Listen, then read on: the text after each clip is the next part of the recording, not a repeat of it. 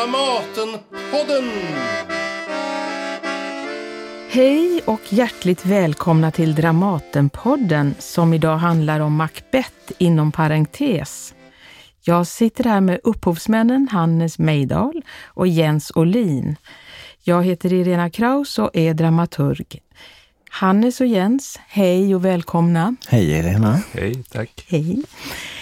Hörni, nu sitter vi här drygt en månad efter premiären och det går knappt att få tag i en biljett till er föreställning. Vad är det som talar så till folk i den här föreställningen tror ni? som vanligt den här handen, Jens säger någonting. Nej men dels så tror jag att Macbeth är på tapeten på, på många sätt. Både i maktgalningar i världen och eh, den här fantastiska filmen som en av bröderna Coen har gjort.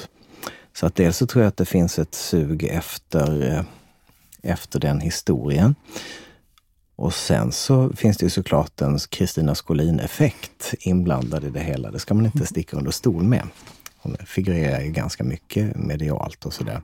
Och det fina med det är att det lockar ju folk som kanske inte vanligtvis går på teater så Mm. himla mycket. Verkligen. Vad säger du, Hannes? Jag håller med. Till det kanske man kan säga att det är en föreställning som också är så teatral och tar så mycket av Dramatens fantastiska resurser i anspråk. Med, det är en otroligt visuell föreställning. Den, den är både, både en klassiker och någonting nyskrivet. Så jag tror att det kan locka olika publikgrupper. Ja, verkligen. Hörrni, eh, idén om ett, un- eh, om ett slags undantagstillstånd är ju väldigt central här. Macbeth inom parentes. Eh, jag citerar, tänk om de goda åren bara var en parentes, en barnslig dröm, som det sägs i pjäsen. Vad står parentesen för?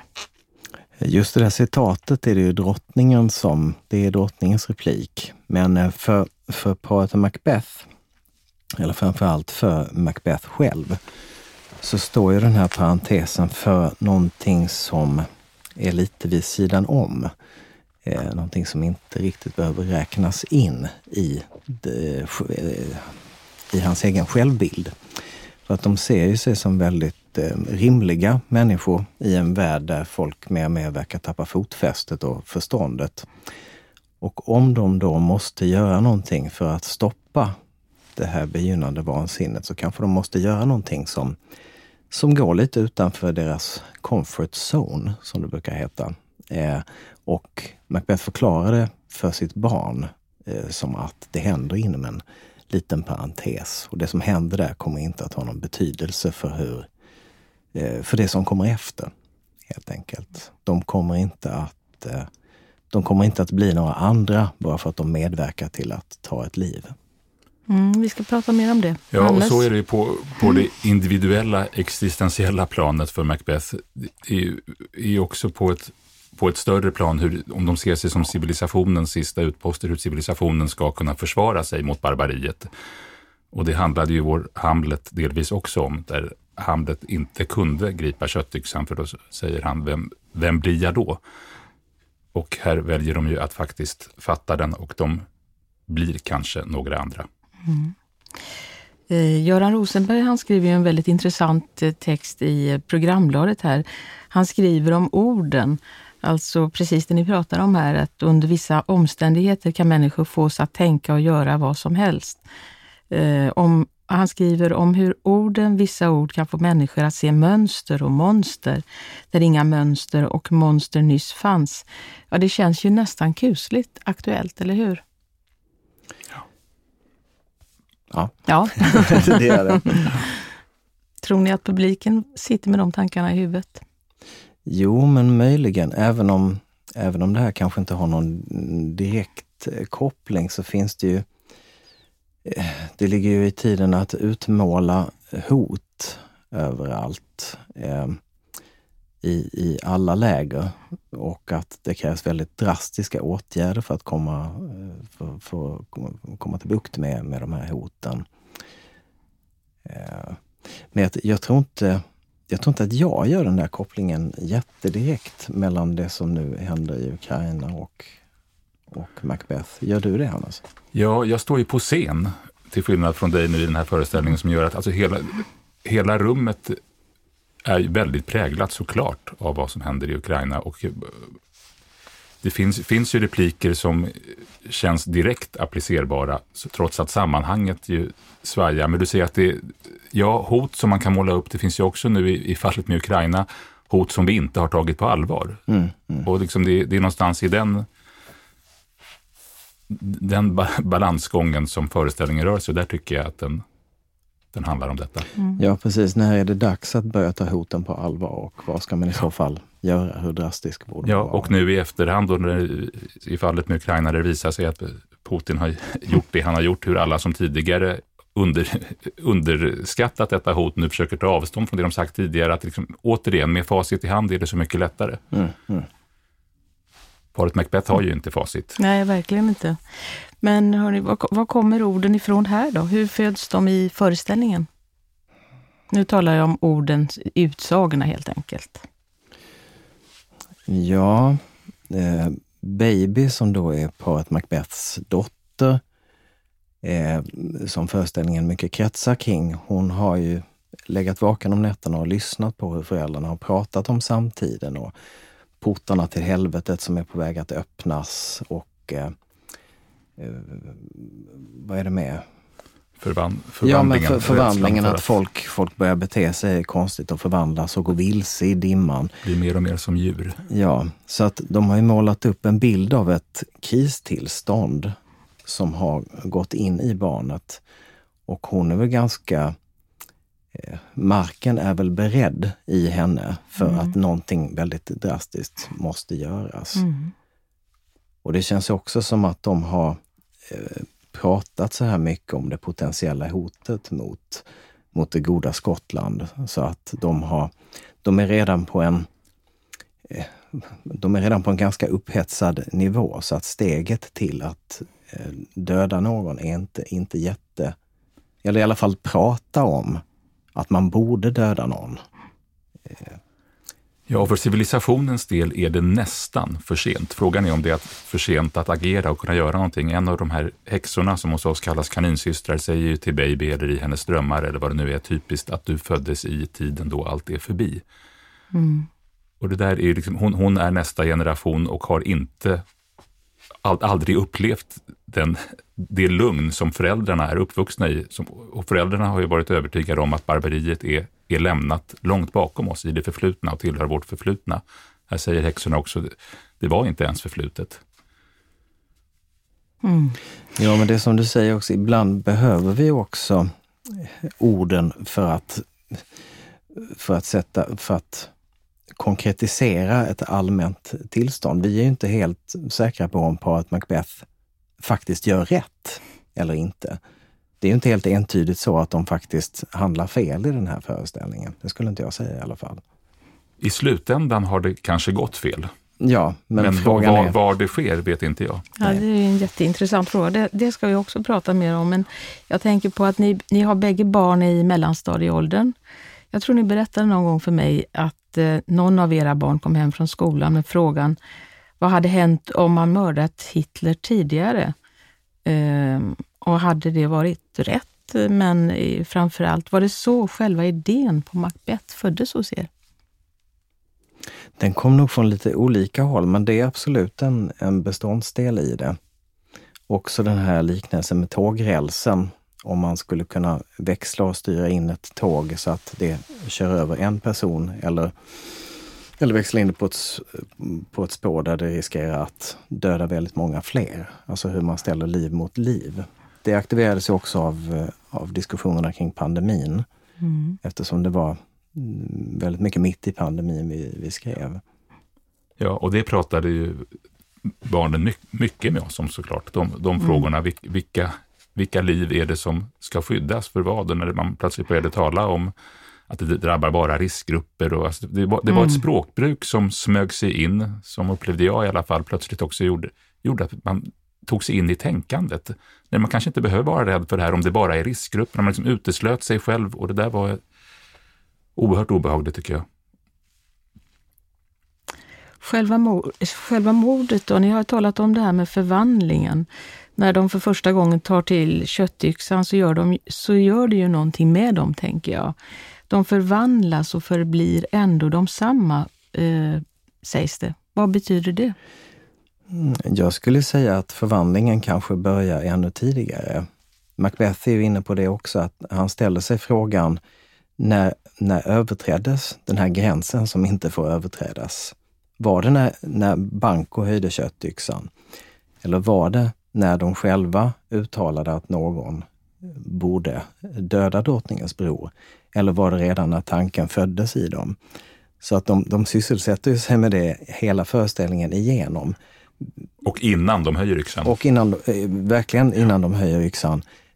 Är vi, är vi förvandlade på något sätt? Och när skedde det i så fall? De använder ju också den här förvandlingen eh, ja, men det, vi kanske måste förvandlas en liten stund för att kunna göra det här som måste göras. Och för att kunna förbli de samma? För att kunna förbli de vi är, det vill säga det goda Skottland. Eh, jag, jag, skulle säga absolut, det händer någonting i dem när de faktiskt greppar köttyxan, men jag, jag tror inte att de är medvetna om det. Det där har ju varit väldigt intressant och svårt under repetitionsarbetet, var man ska placera de här förvandlingsbitarna, där du i din regi har varit mån om att, som jag förstått att när vi väl höjer yxan, det kan inte ske där, då är det för sent. Alltså ja. det, må, det, måste ha smugits in långt tidigare och där har vi ju talat om, om röstlägen och attityder och sen har vi ju skrivit det på så sätt att det aldrig är entydigt att det är Macbeth eller Lady Macbeth som säger någonting som för dem över kanten, utan att de uttalar halv, halvkvädna tankar och så är det i mellanrummet de, mm. de emellan som tanken egentligen föds, så att ingen kan hållas ensamt ansvarig. Den första repliken i pjäsen är ju Babys tankar, där hon säger det är någonting i luften, någonting ont. Eh, och den här, från heden genom dimman kommer det. Så jag skulle säga att den här dimman och det som kommer i luften är ju, vad ska man säga, beståndsdelar i eh, hur folk eh, hur folk pratar, vad det är för språkbruk, vad det är för, vad det är för någonting som surrar och som man påverkas av. Stämningar snarare. Och kanske, kanske sker en del av förvandlingen redan där faktiskt. Ja, och återigen med ett som vi försökt måla upp det, reellt hot i bakgrunden. Vi har ju försökt mm. skapa den här, en, en, figur som inte finns hos Shakespeare, alltså drottningen hoppas inte heller, men hennes onde bror som är något slags figur som är beredd att underminera hela, hela civilisationen och är i stånd att göra det och har starka krafter med sig.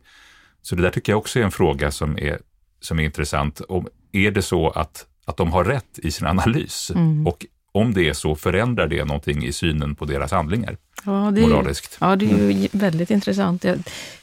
Hur vet man i stunden när det är skäl att ingripa? För hos Shakespeare är ju det, just det inte ett problem. Där är de ju ondskefulla och deras mm. agerande gentemot framförallt kungen, den gode kungen Duncan är förkastligt. Det, det, det är ju alla ense om. Det, finns, det handlar snarare om vad, vad mordet gör med dem. Men här, mm. här vet vi inte. Nej, hos, hos Shakespeare görs det ju en väldig skillnad på liv och liv. Det första vi får veta eh, om Macbeth i originalet är att han klyver människor mitt i tu i det här kriget på ett heroiskt sätt och blir belönad för det. Och det är ingen som har något dåligt samvete eftersom det, det är krig. Men att mörda någon i löndom är en helt annan sak. Någon som man, någon som man eh, litar på. Eller som litar på en.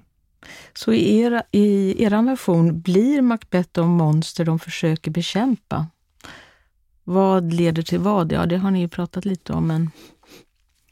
Jag skulle säga att det är en, en rimlig tolkning. Men jag vet inte vad alternativet skulle vara.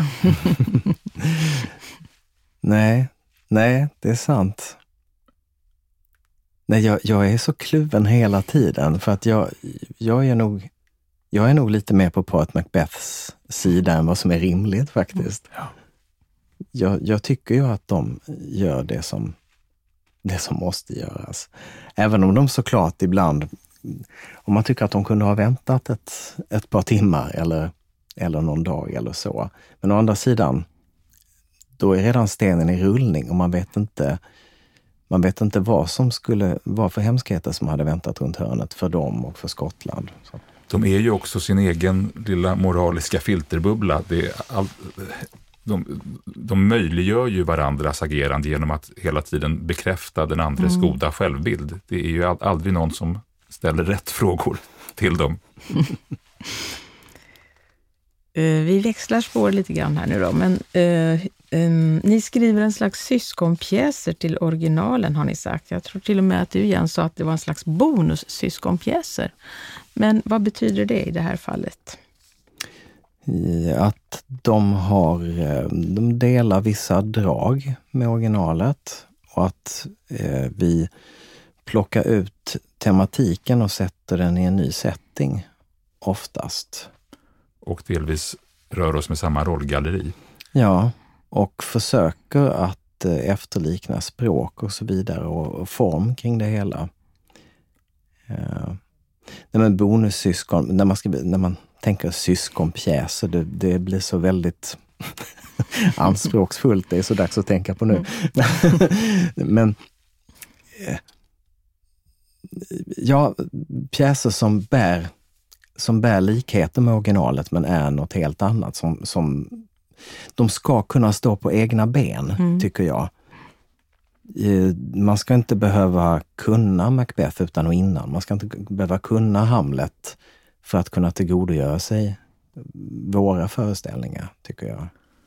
Likväl så väcker de ju hos den, de allra flesta i publiken någon typ av associationer. Mm. Vare sig man kan pjäsen utan och innan eller inte kan den alls, så vet väldigt många att Macbeth klingar illa. Man vet på något vis de stora dragen i handlingen, så man har en förförståelse när man sätter sig i salongen som är intressant, ibland lockande, ibland tungrodd för oss att, att hantera. Vi har försökt då att skapa, göra Macbetharna så pass rimliga som möjligt från början. Samtidigt så vet publiken att de är de onda.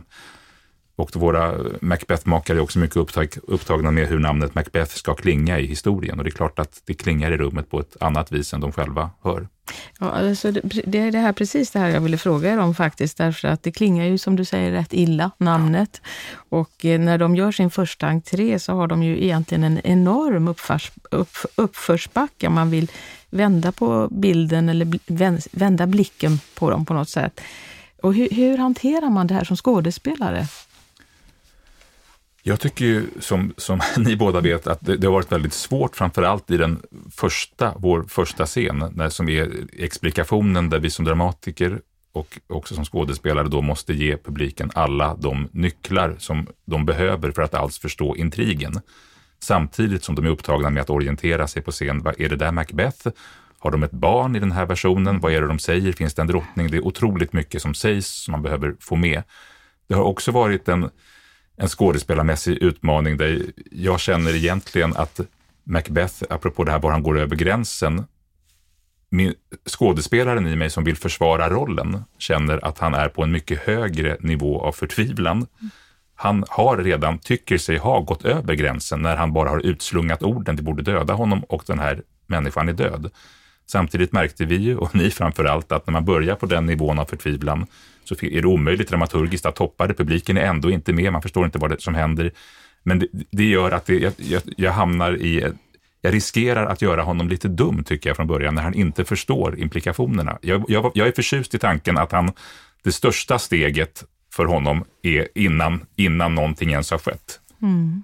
Och att det sen blir lättare och lättare. Men som vi har byggt upp pjäsen och föreställningen så har det inte gått att spela så, men det är inte lätt. Vad tänker du Jens? Nej, jag, jag tänker ju att Ja, det hade, det hade funnits en poäng att göra honom mer moraliskt medveten i början. Men samtidigt, nej, dum skulle jag inte säga att han blir. Jag skulle säga att han blir mer, eller båda två, båda makarna blir mer lika hur folk, hur folk, hur, nej men hur många tänker att, men, åh, borde man inte bara sätta en kula i huvudet på honom så är, så är det över. Alltså att det finns ett det är mer, det är mer en känslomässig sak att säga vi dödar honom än det är, än det är uttänkt i stunden. Jag skulle säga att han, jag tolkar det mer som att de är så pass uppjagade emotionellt ja. att, det är, att det är där de befinner sig och inte riktigt har tänkt på de moraliska konsekvenserna överhuvudtaget. De har inte haft tid eller det är inte den, det är inte den tiden i Skottland att sysselsätta sig med moraliska problem. Vi bara gör det här. Oj, nu uppstod det moraliska problem när vi, när vi gjorde det. Nej, jag håller med mm. dig, men det, de moraliska problemen och de dramaturgiska går in i, konkurrerar med varandra. Men till exempel med Hamlet som ju mm. på ett så vis var så tacksam, därför där började vi i en upplevelse som jag tror att vi delade med nästan alla i publiken. Alla, alla mer eller mindre anständiga människor kände sig som Hamlet i det ögonblicket. Vad ska vi göra med de här krafterna som kommer emot oss? Vi sätter oss handfallna och går in i en polit, politisk och existentiell depression. Medan här så är det ju så oerhört mycket annat som står på spel. Mm. Ja, jag skulle precis faktiskt fråga om det där, eller hur de står, för det känns ju väldigt mycket som Macbeth är en fortsättning på er Hamlet.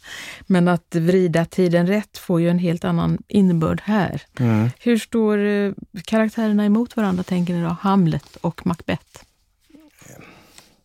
Macbeth och Lady Macbeth grubblar ju inte så särskilt mycket. De, de är väldigt jag skulle säga att de är reaktiva nästan halva föreställningen. Att saker bara händer. Hur ska vi, hur ska vi lösa det? Vad ska vi göra nu? De är ju mycket mer handlings, upptagna med handling.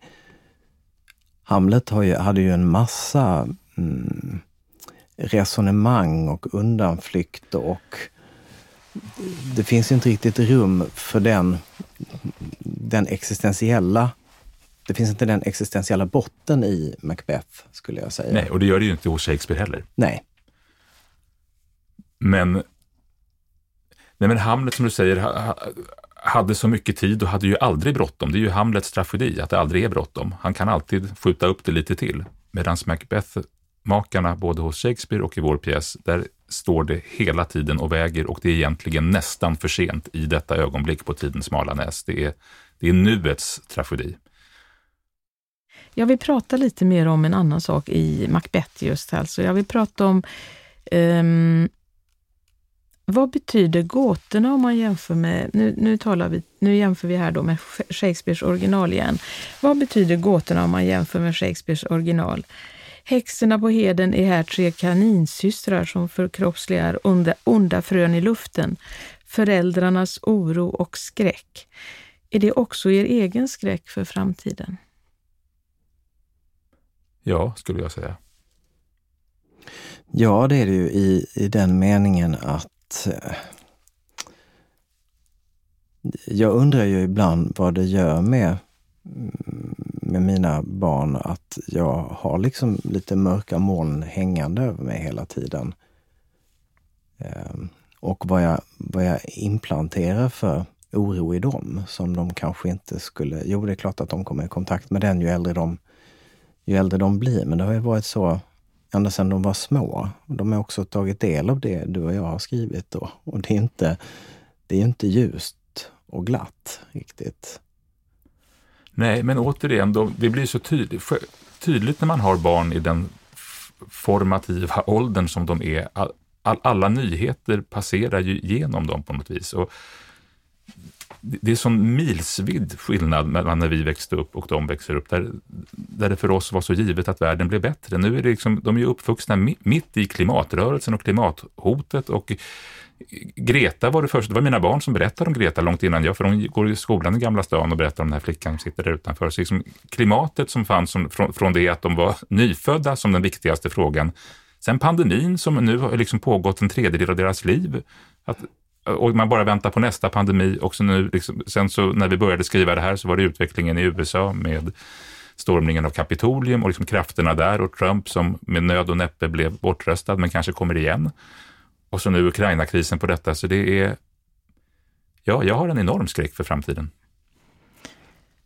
Var befinner vi oss i tiden i pjäsen egentligen? Vad tänker ni kring det? Alltså, jag vet, jag vet att vi ett tag, eller ni ett tag var på ett ministerium av något slag, någon slags Kafka-värld. En ganska grå värld där de var enkla kuggar, ett stort maskineri. Men hur bestämde ni till slut att vi ska hamna i nutiden? Är det där vi är? Jag skulle säga att vi både i skarven 1500-1600-tal och i samtiden. Det är som att vi är i ett svenskt ett svenskt folkhem som vi har placerat i, i eh, Skottland för, för 400 år sedan. Ja, skulle jag, det, Hamlet befann sig också, liksom, det, Hamlet utspelas ju i Danmark men var li, lika mycket ett nu.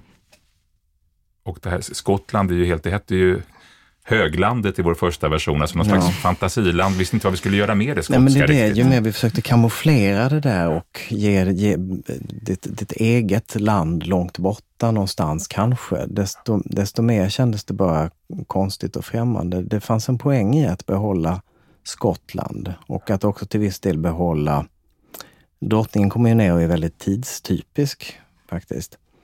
I sitt utseende. I sitt utseende. Och blankversen är ju ändå där. Ja. Jag skulle säga en, en dåtid som väldigt mycket liknar nuet. Och till skillnad från i Hamlet så är det ju här en mycket mer mystisk pjäs så tillvida att vi befinner oss kanske i Babys eget drömlandskap, i hennes egen inre hed. Det börjar med att det är hon som hör och ser de här väsendena och sen vet vi inte riktigt vilken värld vi rör oss i. Så det gör det ju också kanske lättare att, att röra sig fritt mellan de här associativa tiderna. Ja, att folk också kommer in i nattkläder hela tiden som är ju lite mer tidlösa än, än, än vanliga kläder. Men det finns ju hela tiden ett skav mellan vad, vad Baby upplever att den här världen är och vad resten av persongalleriet eh, ser och upplever av det. Mm, ja, barnet är ju, Baby är ju jättecentral här och kanske den största, absolut största skillnaden med originalpjäsen. Eh, var barnet med från början? Hur kom barnet in i bilden? Ja, barnet var med från början. Det var med från början. Och jag tror att det var, för, det var nog för att det väckte så många associationer till Hamlet. Och att grundfrågan var, men vad, vad skulle ha hänt om Hamlet faktiskt hade dödat Claudius då? Hade det slutat där eller hade han behövt gå bärsärkagång med köttyxan på många fler för att det skulle bli bra?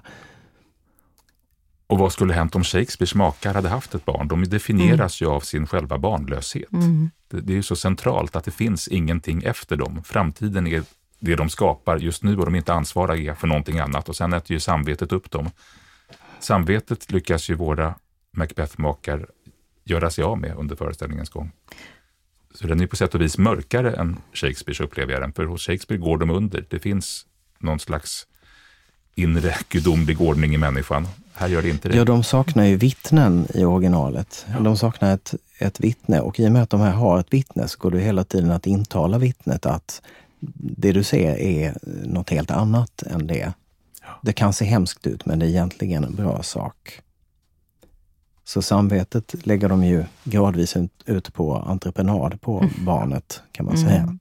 Men visst är det så att i, i Shakespeares original att det antyds någonstans att hon har förlorat ett barn? Eller? Ja, hon har ammat i alla fall, Ja. sägs det.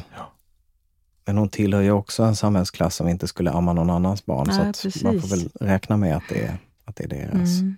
Det finns någon Macbeth-film som börjar med att det där barnet finns på något sätt. Eller det börjar med en begravning av ett barn. Ja. Visst är det så? Det är en otroligt stark öppningsscen i er föreställning, när barnet sitter på scenen där. Och, eh, då finns ju också kaninen på plats. Det känns som att kaninen är också ett tema som går igen hos er. Eh, och jag tänker på det här djurtemat. Jag vet att vi pratade för länge sedan om att eh, det har funnits som en ursprungstanke hos er att ända sedan ert första samarbete med Camus-fallet eh, är inte, där sägs det någonstans att är inte det enda som skiljer oss från djuren det att vi accepterar vår natur? Att vi vägrar, vägrar acceptera vår natur. Ja, det är en spännande tanke. Men djurtemat är, det intresserar er? Ja, det, det har väl blivit mer- och mer. Det är sällan jag vet hur jag ska formulera det exakt, men eh, djuret i oss, alltså som den faktorn, den faktor inom en som man själv inte kan, kan styra och få syn på riktigt. Svårigheten att, att se sig själv på ryggen, kan man väl säga. Eh, den, den är ju både Kaninen är ju både, i, i Hamlet var kanin, barnets kanindräkt som en rustning Mm. som gav barnet styrka. Och här är ju kaninen, i Macbeth är den lilla levande kaninen någonting som Baby eh, överför all sin rädsla på. Så att man kan ju säga att kaninen är också en slags, en slags rustning här. Mm. Men det har med rädsla att göra, det har med osäkerhet att göra. Och det, och det kaninen hon väljer att offra när hon själv ställs in, inför valet att offra sig själv eller kaninen. Ja, att rädslan måste bort. Att ängslan måste bort och att det måste till entydighet. Jag skulle säga att kaninen står för frågetecken mycket. Ja. Och såklart så, sårbarhet också. Ja. Ja, vi nämnde, vi nämnde, eller jag nämnde Camus-fallet. Den gjorde ni 2007 tror jag. Eh, men ni träffades tidigare, ni träffades kanske, eller ni, jag vet att ni gjorde Kafka på Strindbergs Intima Teater i samarbete då med Galeasen. Det var 2005, det, det är faktiskt snart 20 år sedan. Herregud. Ja. hur, hur träffades ni första gången? Var det där? Ja, vi, vi var statister i en föreställning som regisserades av Torsten Flink på Teater Plaza år 2000. Hannes hade redan varit med där ett tag och så tillkom jag efter några månader. Och du var någon, var du regiassistent då? Med betoning på assistent. jo, men, jag, jag, var jätteung, jag var 19 och du var några år äldre. Ja, jag var 24 ja. någonting. Men då pratade vi inte så himla mycket. Det var så många unga som figurerade där och det var ett ganska kaotiskt sammanhang. Men några år senare men det var ändå en, teat en, en, teatral referenspunkt för oss båda. När vi sen möttes på riktigt så hade vi varit med om den där tiden mm. på Plaza. Ja, det, det är ju någonting som vi återkommer till ganska ofta faktiskt. Ja, ja det, det var min fråga. Kände ni att ni hörde ihop direkt? Men Nej, men sen var det egentligen en tillfällighet när vi, du gick sista året på skolan och jag gick andra året och skulle påbörja ja. det som då kallades eget, egna projektet och hade någon tanke om att jag ville försöka iscensätta Kafkas ungdomsdagböcker. Mm. Och sen via gemensamma vänner så kom vi att tala med varandra och du tackade ja till att regissera det som från början bara var ett elevarbete på skolan. Men sen så... Efter många om och men för ja. jag undrade väldigt länge varför du kontaktade mig. Det har du, det har du skrivit i din dagbok. Du ja, nej, men du, du, kände ju så himla många etablerade personer och där var jag liksom inte ens 30 år gammal och hade regisserat någon konstig koala-föreställning i en transporthiss i Borås. Och tänkte, honom ska vi ha. Den ska vi ha. Nej, men jag tror att det är faktiskt för vårt senare arbete är ganska betydelsebärande att ingen av oss var färdig i någon som helst yrkesroll egentligen. Du var något mer längre utbildad skådespelare än jag, men vi var båda studenter och mm. intresserade av från början hur, hur kan man försöka göra teater och gestalta text som inte låter sig gestaltas, för det var verkligen fallet med, med Kafka. Det går inte att föda de här replikerna som han skriver psykologiskt realistiskt, man måste hitta något annat sätt att förhålla sig till texten och det samtalet har vi egentligen fortsatt nu i snart ja. 20 år. Ja, men när vi väl började jobba ihop så tänkte jag att nej men, så här roligt måste det vara hela tiden. Det fanns ju ett gemensamt intresse för, alltså dels för språk, men också för eh, omöjligheter, skulle jag säga. Alltså gestaltningsomöjligheter. Är det möjligt att röra sig på en scen? Vad betyder det? Eh, ja, och att vi båda tror jag är ganska blö, blödiga personer i förhållande till den här Kafkas text som kan, kan verka så byråkratisk och torr och tråkig. Men där vi ju satt och, satt och grät på repsalen och inte förstod hur ska, hur ska man kunna uttala den här repliken att så här måste glasrutan känna sig på det ställe där den går sönder. Jag vet inte hur man föder den repliken, men det, det höll vi på med. Många månader. Ja, ni har ju verkligen träffats. Ni har träffats och mött många olika roller som skådespelare, regissör, som författare. Först författare, sen delar på er och så vidare. Så vidare. Eh, vad är det som fungerar när det fungerar som bäst? Eh, ja, vad är det som fungerar när det fungerar som bäst mellan er? Mm. Jag skulle säga att det handlar om ett bejakande. Och som vi brukar säga, att vi, vi tillmäter den andras åsikt väldigt stor betydelse.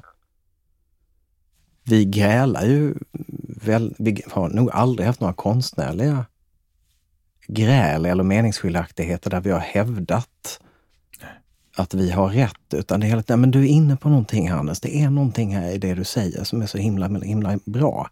Hur ska vi komma åt det? Nej men det är det du säger också viktigt Jens. Ja. Det, det, känns som att det är ständigt att nej men det är du som har den bästa idén. Nej, det är du. Och det är inte alltid samma saker vi går igång på, vilket kan göra att du kan vilja stryka tre sidor. Jag säger, men det får du inte göra, för den där är med där. Och då så leder det till att de sidorna visserligen stryks, men att det där tar sig in någon annanstans. Ja. Så, så, så funkar det som bäst. Men jag har aldrig så roligt som jag har med Jens. Mm. Nej, det är samma här. Förhandlingen är central har ni sagt också. Att ni förhandlar er fram till saker när ni ska att skriva tillsammans. Men det är ju inte helt enkelt. Det är ju ändå ingenting man egentligen förhandlar om en skriven text. Men eh, ja, nu citerar jag någon av er, jag vet inte vem som har sagt det, men förhandlingen är central. Och jag tänker på att i Macbeth så frikänner de hela tiden varann och ingen vet egentligen hur en tanke föddes. Är det, är det så också när ni skriver tillsammans? Ja, det skulle jag säga att det är. Alltså det börjar ju ofta väldigt torrt i och med att vi tänker, ja men om vi har den här settingen, hur borde det börja? Men det, det där borde ju ligga först, men hur skulle det uttryckas? Och så talar vi oss fram till att ja, men någon borde komma in och säga så här. Nej, men vad ska den säga? Vi kanske kan säga så här, så skriver jag någonting. Ja, bra, bra, men kanske med det här också. Så det... Och vi kavlar problemen framför oss. Vi vet att bara, det här kan funka, men det där funkar inte, men det kommer längre fram. Så vi börjar ju alltid från början och sen så går det fortare och fortare. Av, det kan, den, Macbeth höll vi ju på ett halvår med upptakten egentligen. Mm. Men jag tror också att det är, i och med att vi båda är intresserade av man skulle kunna förmätet säga motsatsen till tesdramatik. Vi hade ett samtal igår med Dramatens vänner och frågan kom upp, vad vill ni säga egentligen? Och det är en mycket relevant fråga, men det är sällan vi vill säga någonting och slå fast det, utan det är just samtalet vi försöker få in i pjäsen också, det vi själva sysselsätts med och undrar över. Och, och framförallt i en pjäs som, som Rövare till exempel, som ju då var en väldigt fri bearbetning av Schillers text, där var vi ju ganska oeniga kring mycket av, mm. av det rent politiska stoffet, vilket jag tror blev den föreställningens kvalitet. Att det, var, det hela mm. tiden fanns, fanns två två subjekt ja, i texten. Vi, vänta lite grann Hannes, för det, det, det, tycker jag också är väldigt spännande. Men om man, håller, om man stannar upp ett ögonblick kring när det är två subjekt bakom orden ni själva skriver. Eh, vad, vad ger det? I arbetet ger det, tänker jag, Jens, rätta mig om du har fel, men att det, är, det påminner oss om att texten absolut inte är helig och kommer från en upphöjd dramatiker. Så kan, du skriver ju även egna pjäser, så du, du ja. kanske har det där också. Men det är ändå, jag tror det är tydligt i hela arbetet att föreställningen går först. Behöver någonting ändras under arbetets gång så gör det det. Ja, det är ett ganska kallt förhållningssätt till det vi skriver, mm. skulle jag säga. Även om det finns ju, nej jag skulle inte säga kallt ändå. För att det är ju ofta, tycker jag, när vi kommer in på kärnan i det som det som är en viss text, att det, alltså det, blir, ju, det blir ju känslomässigt för oss båda ja. två. Men jag tror också att i och med att det finns en, alltså vi kan vara känslomässiga i omgångar så att säga. om, om en drar iväg i känsla så finns det någon som, ja, ja jag förstår, jag förstår ja. vad du menar. Nu ska vi hålla det här i minnet också. Men jag tror att det är Ofta är det ju känsligt att som skådespelare i alla fall, och säkert som regissör också, att arbeta med en levande dramatikers text och förhålla sig till, alltså, det måste man ju göra respektfullt. Mm. Det slipper vi. Mm. ja, det är, nej, men det är jätteskönt att kunna vara totalt respektlösa mot en text. Eller framförallt när jag regisserar, att bara kunna, äh, det här är dåligt. Jag mm. ser det nu. Det lät jättebra när vi skrev det, men vi tar bort det. Och ingen blir ledsen. Jag skulle säga också att, den här, att ni är två subjekt bakom orden gör att det ger texten en större rymd, alltså det ger en, en omedelbar komplexitet förstås. Mm. Eh, jag beundrar er verkligen för att ni kan skriva tillsammans. Det är inte det lättaste. Nu har jag hotat er med att vi ska leka lite också. Men eh, det går fort. Jag vet ja, att, lek, jag vet lek, att Jens lek, snart ska hämta sina barn. Så att nu, nu ska vi leka väldigt fort och kort. Men eh, jag tittar i listan här på vad ni har gjort för samarbeten tillsammans och då var ju min första fråga faktiskt, eftersom jag blev lite förskräckt över att det saknades någon, en pjäs av er här då. Uh, vad, nu ser ju inte ni listan, men vi pratade ju om det innan. Det programbladet du sitter med? Jag sitter med programbladet, tack Hannes. vad är det för pjäs som saknas här då? Don Giovanni upptäckte Don Giovanni vi. upptäckte ja precis. Ja. Uh, nej, men jag tänker så här. Uh, jag läser texterna, eller jag läser uh, listan på saker ni har samarbetat kring och jag skulle vilja att ni säger bara med ett jättekort eh, med ett, två, tre ord. vad var det ni sökte i det här arbetet? Och då börjar vi med Kafka på Strindbergs Intima Teater i samproduktion med Galeasen 2005. Vad, vad var det ni sökte där? Jens? Ett intellekt söker en kropp, skulle jag säga. Ja, och därmed en, en text söker en gestaltning. Ja. Vi höll också på med autenticiteten som vi båda då som scenskolestudenter var ju så upptagna av detta som man är i utbildningen att jag hade en lärare som sa nu, nu fick jag se den sanne Hannes efter tre år.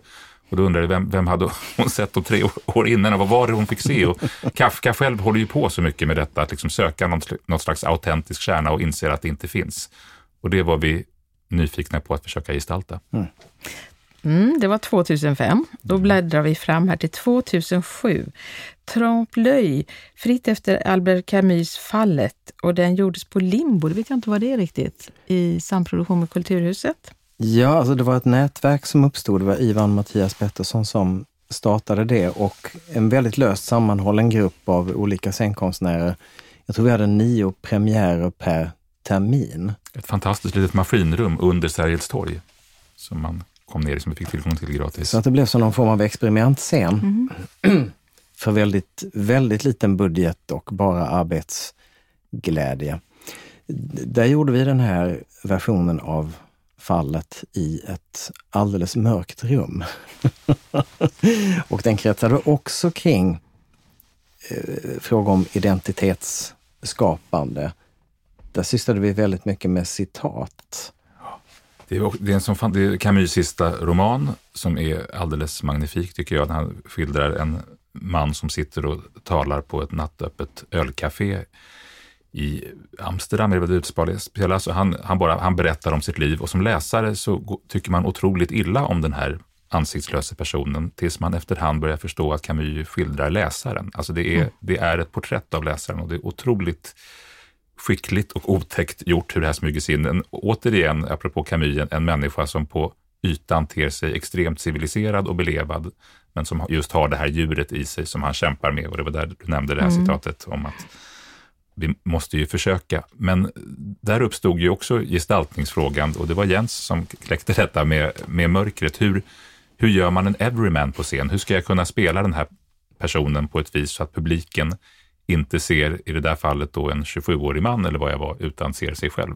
Så det blev någon slags, vi försökte spela, göra honom som en sån här fantombild, som 44-åringen, ett ansikte som är mörkt. Men det var inte helt mörkt på scenen? Nej, jo. det var det.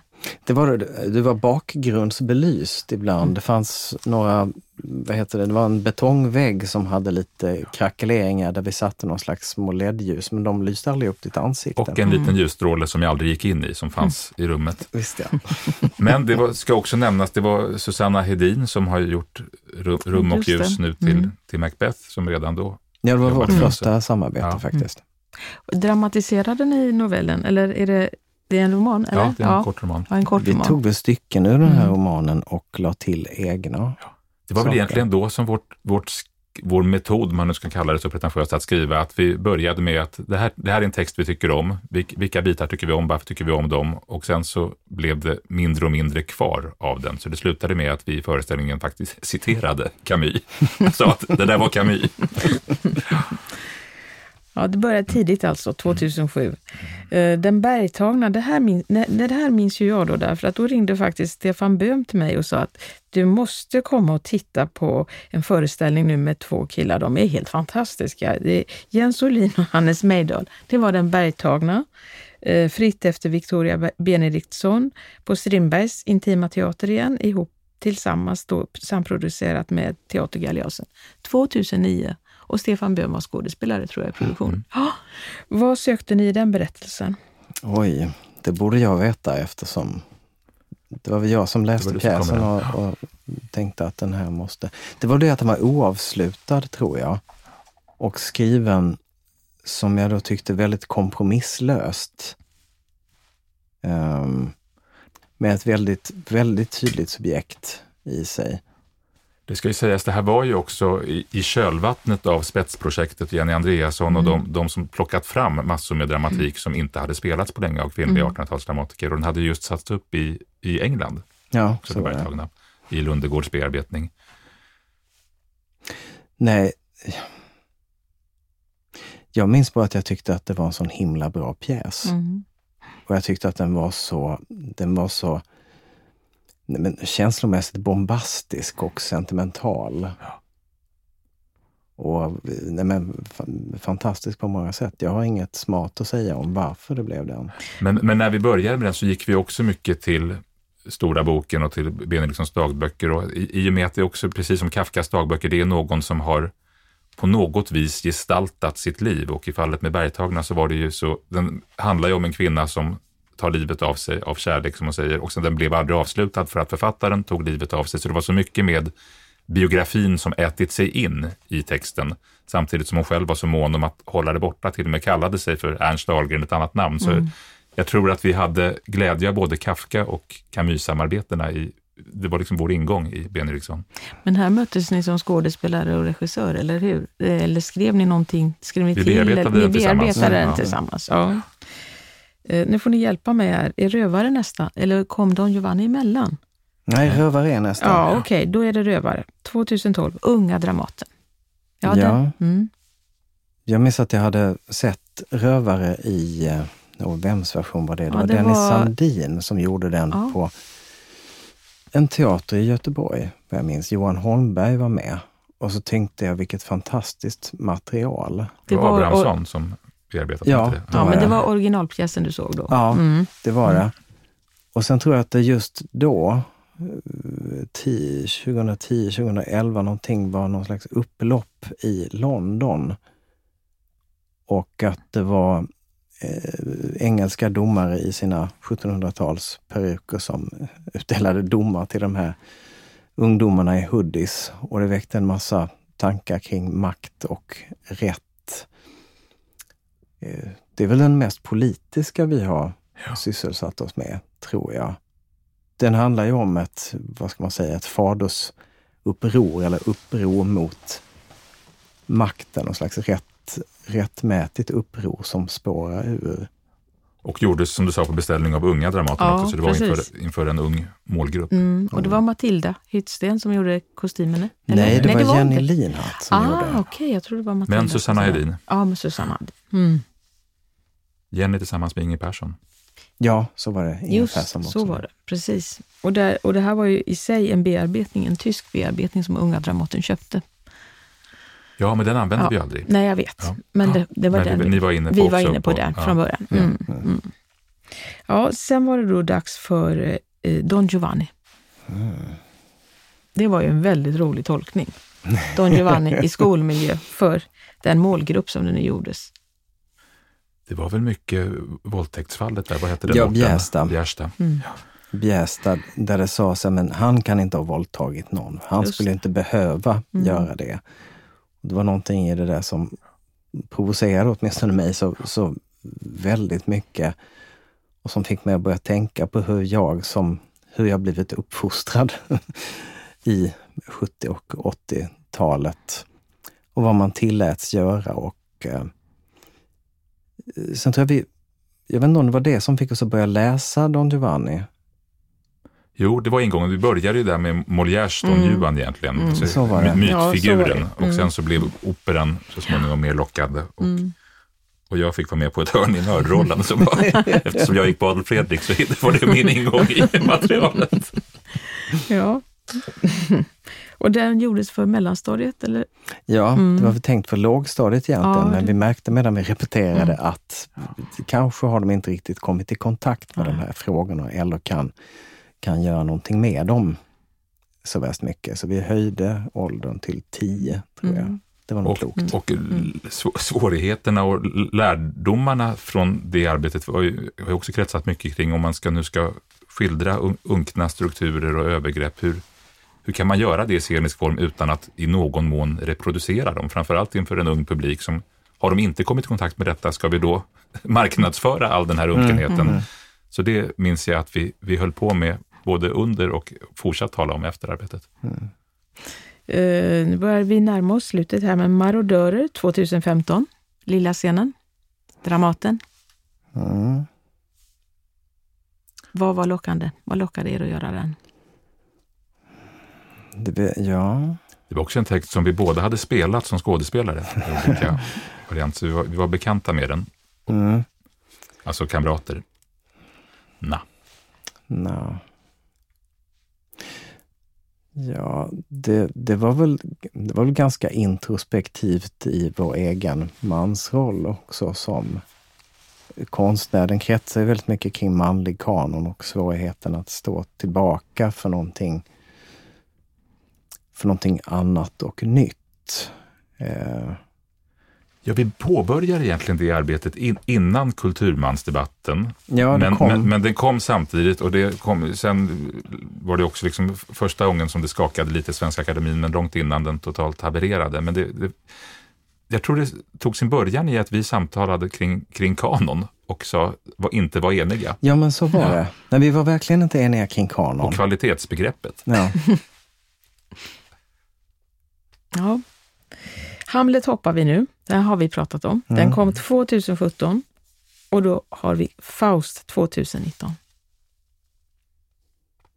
Det var på elverket. Var det 19? Ja. Nej, hösten 18 tror jag var det hösten 18? Premiär.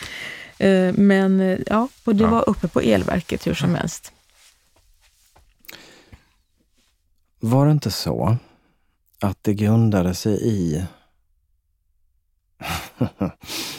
hmm. Nej, vi började skriva den här hösten 17, minns jag.